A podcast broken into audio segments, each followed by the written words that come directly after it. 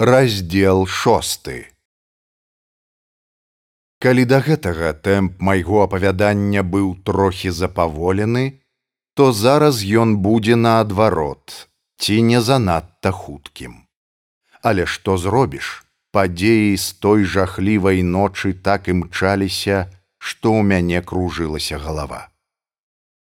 Ранкам наступнага дня мы хадзілі з яноўскай да вёскі дзе я запісваў легенды Усю дарогу я пераконваў яе, што не трэба так баяцца дзікага палявання, расказаў, як я учора ашукаў яго, а ў галаве круцілася: Што ж гэта было?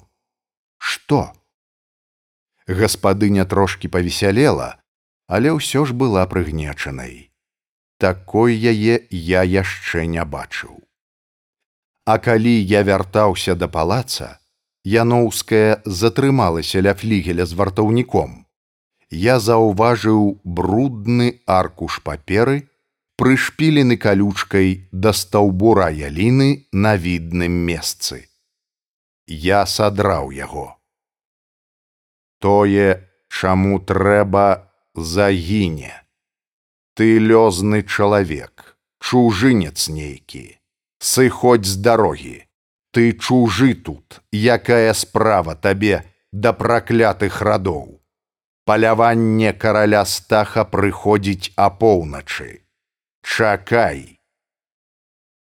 Я толькі плячыма знізаў.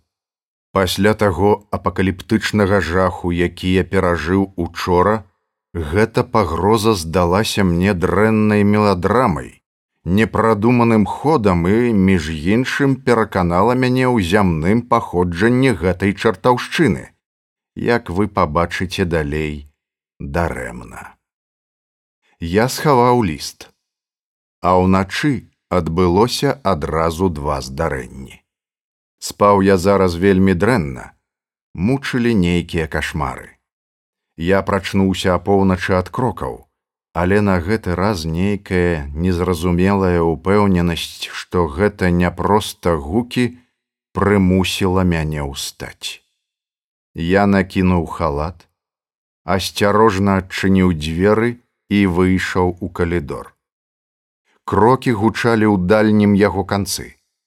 Я пайшоў за імі і пабачыў ахмістрыню якая са свечкаю ішла кудысьці.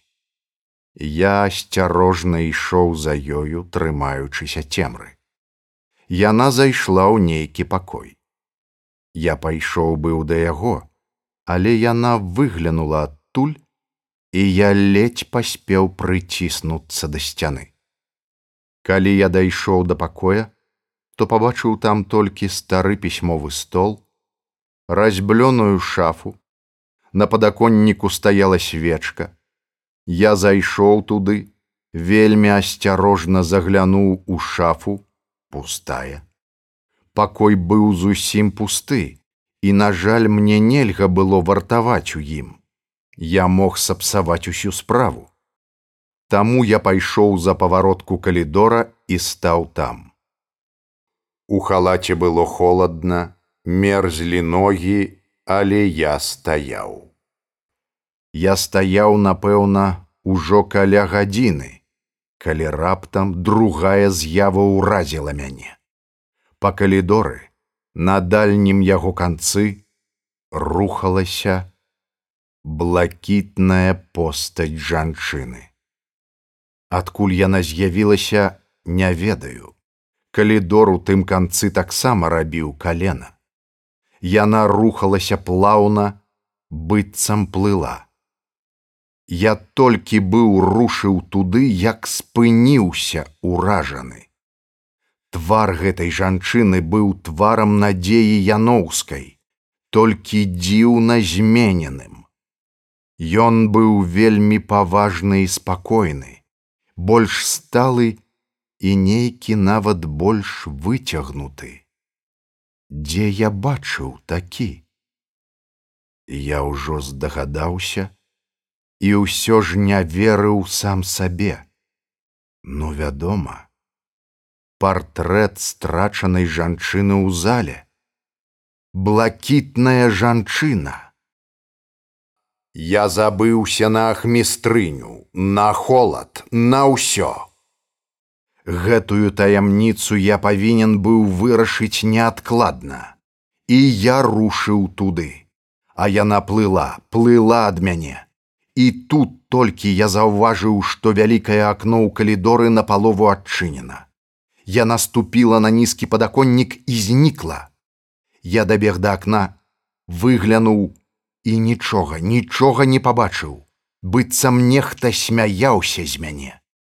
Кут дома быў, праўда, зусім недалёка, але карніз быў, усё той самы вузенькі карніз. Я ўшчыкнуў сябе за руку, не, я не спаў.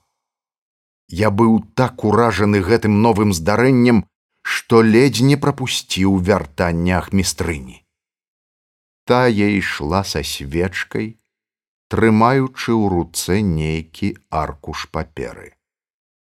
Я прыціснуўся ў нішы дзвярэй, яна прайшла паўз мяне, не заўважыўшы. Пасля выглянуў і пабачыў, што яна спынілася ля акна, пахітала галавою і мармычучы нешта зачыніла яго пасля пайшла па сходах на першы паверх. І што ёй трэба было тут, на другім паверсе.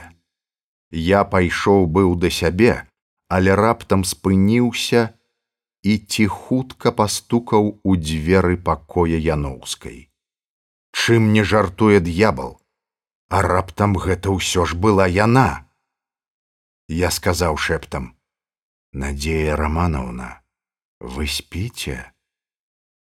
У адказ я пачуў соннае мармытанне. Я вярнуўся ў пакой і, не запальваючы свечкі, сеў на ложак.